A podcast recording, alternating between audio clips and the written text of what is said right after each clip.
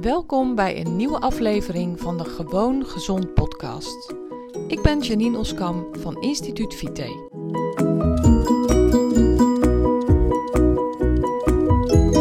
Hey, welkom bij deze nieuwe aflevering van de Gewoon Gezond podcast. Vandaag wil ik het hebben over een burn-out. Wat is nou een burn-out? Wanneer heb je een burn-out? Hoe kom je aan een burn-out? En vooral, hoe kom je er vanaf? Een heel interessant onderwerp. Ik denk heel veel besproken.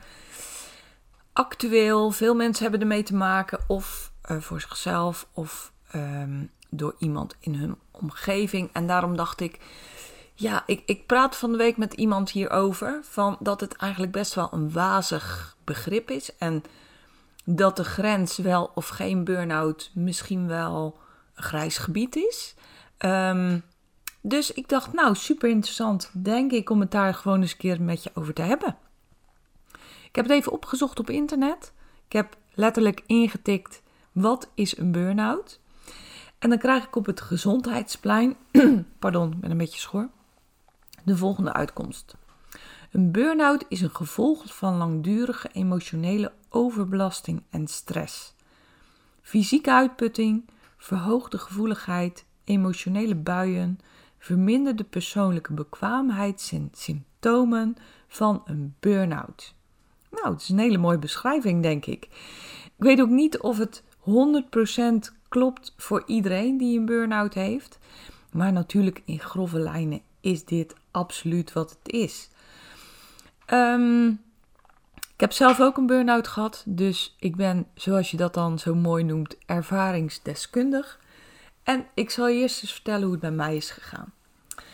Um, ik had in 2015 een burn-out, 8 juni. Ik weet het echt gewoon letterlijk nog precies. Um, op het dag en zelfs het uur wanneer het gebeurde. Um, nou, bij mij is het gewoon gekomen van jarenlang veel te veel hooi op je vork nemen tegen de buitenwereld en vooral tegen jezelf blijven roepen dat het oké is met je. Um, vooral ontkennen dat je dit niet aan kan en doorgaan. En doorgaan en doorgaan.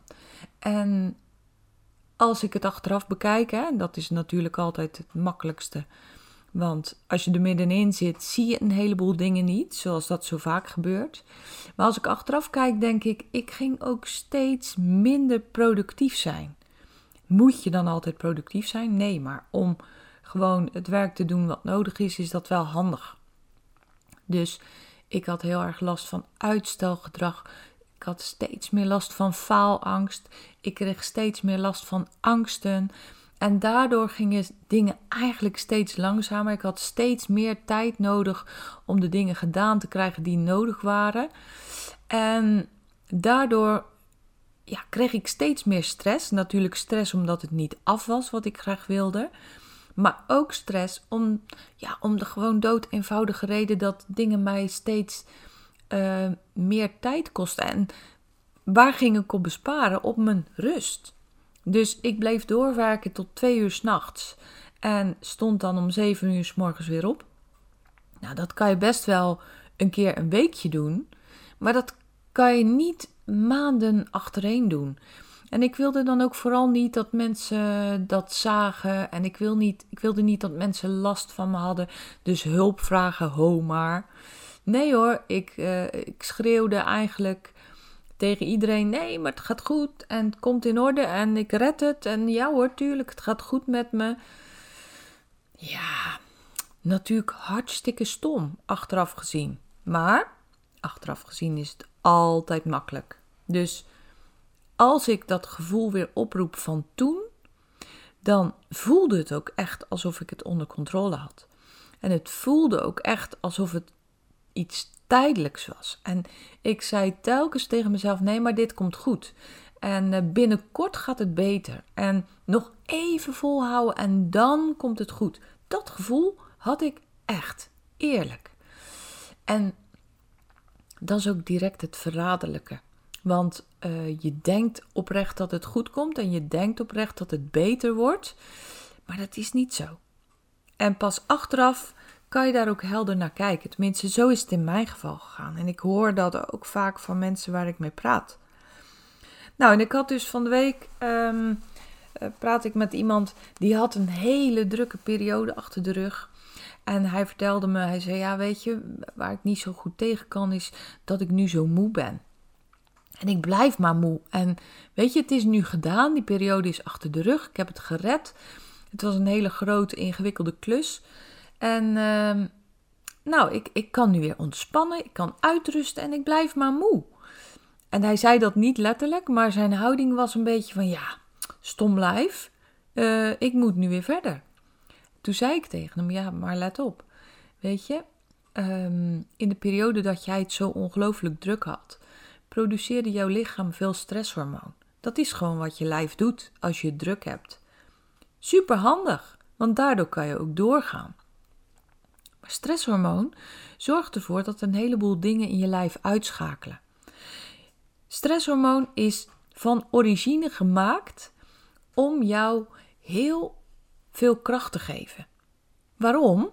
Nou, vroeger was het best handig dat als er een bedreigende situatie was, uh, bedenk, een leeuw achter je aan zat, dat je dan vliegensvlug en snel in die boom kon klimmen. Dat je echt gewoon, um, voor je gevoel, was dat een fluitje van een cent zo die boom in ging. Waar je anders dacht, dat gaat mij nooit lukken, dat kon dan. En uh, vergelijk dat dus, ik weet niet of je het ooit hebt meegemaakt, maar als je ooit echt iets heel, heel, heel erg stressvols hebt meegemaakt, dan zijn er mensen die echt een, een, een bovennatuurlijke kracht krijgen. Ik heb wel eens gelezen in een artikel dat um, iemands kind werd aangereden en die auto die stond bovenop dat kind en volgens mij was het man, die kon dus die auto van zijn kind aftillen. Gewoon ongelooflijke bovennatuurlijke krachten krijg je van veel stresshormoon. Nou, met een ingewikkelde klus in een drukke periode heb je niet zoveel stress, maar wel een, ja, een, een, een mildere vorm daarvan, waardoor je ook eigenlijk meer kan dan je zou kunnen in ontspannen toestand. Nou, oké, dan is die stressperiode over. Dan neemt het stresshormoon af en dan pas voel je hoe moe je bent. Heb je dat wel eens gehad? Dat je. Um, nou, bijvoorbeeld, um, daar gebeurt iets uh, met de gezondheid van een van je dierbaren. Daardoor moet de ambulance komen. Je gaat mee naar het ziekenhuis, bent een hele dag in touw op de eerste hulp. En um, nou, S'avonds ga je naar huis. Het is allemaal gelukkig goed afgelopen. Je komt thuis en dan denk je: man, wat ben ik moe. Dat voel je niet in de, uh, in de drukte van de strijd. Dat voel je niet zolang je um, alert moet blijven, zolang je moet blijven handelen. Dan voel je die vermoeidheid niet. Ook daarvan is die drukke periode uh, op je werk of, of onder welke omstandigheden dan ook een afgeleide.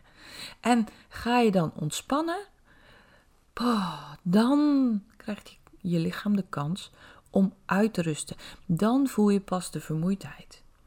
Dus ik zei ook tegen hem: van joh, uh, vertroetel jezelf. Neem voldoende rust. Laat je lichaam herstellen. Kijk er op deze manier tegenaan en waardeer dat je lijf je heeft gegeven dat je in die drukke periode door kon gaan. Maar waardeer nu dat je lijf het je geeft, uh, dat je lijf aangeeft dat hij moet uitrusten om weer te kunnen herstellen. Om straks weer gewoon te kunnen vlammen in goede gezondheid. Want doe je dit te lang achter elkaar, nou, dan heb je dus kans op een burn-out. Burn-out is één redmiddel van je lijf. Maar misschien krijg je wel een hartinfarct. Of misschien krijg je wel een uh, TIA. Dat, dat je lichaam op zo'n manier reageert. Dat kan ook. Dus ja, de vraag waar we mee starten: wat is nu een burn-out en wanneer heb je een burn-out?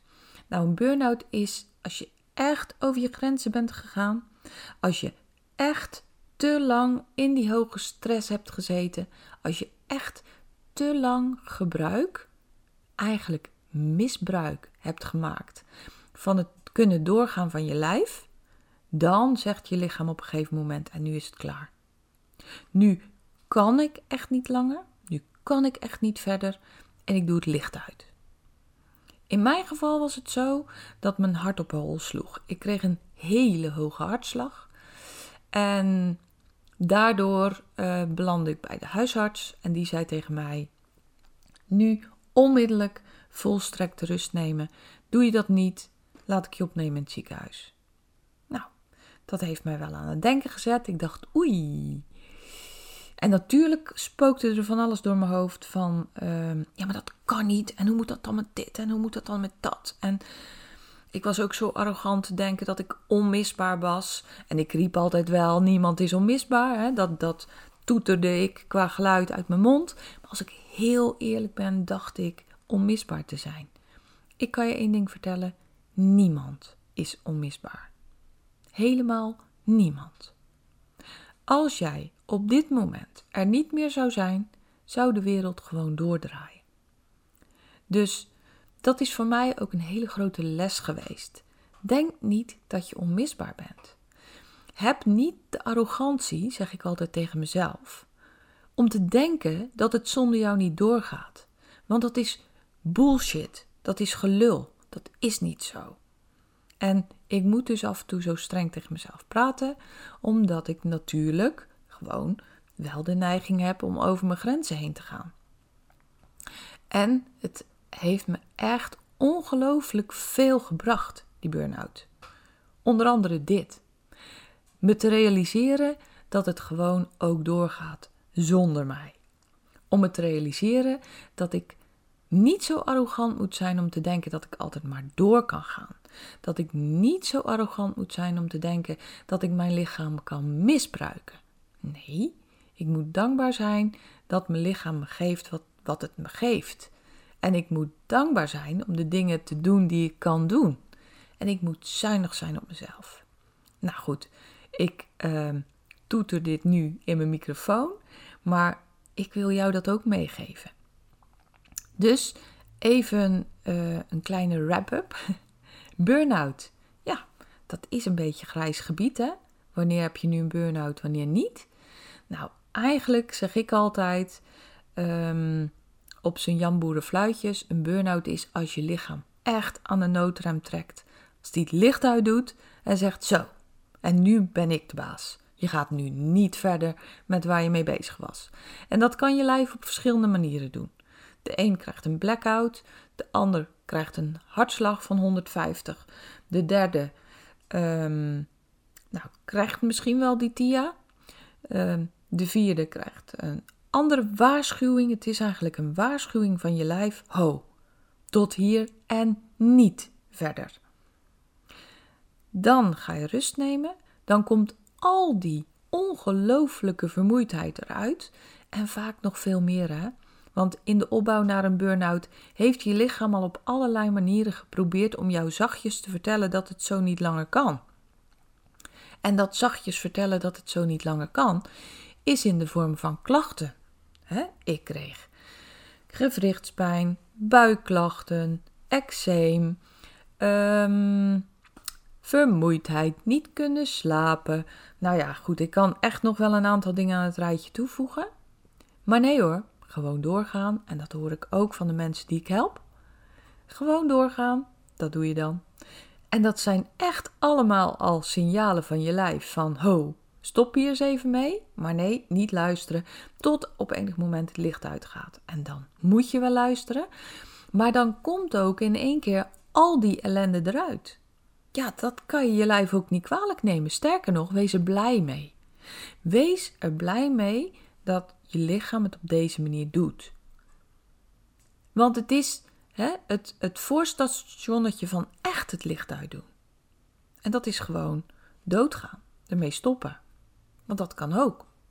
Maar nee, je lijf is zo vriendelijk om het op deze manier te doen. Waardeer het, wees er dankbaar voor en leer ervan. Haal de lessen eruit die je nodig hebt om de rest van je leven wel op een verstandige manier met je gezondheid om te gaan.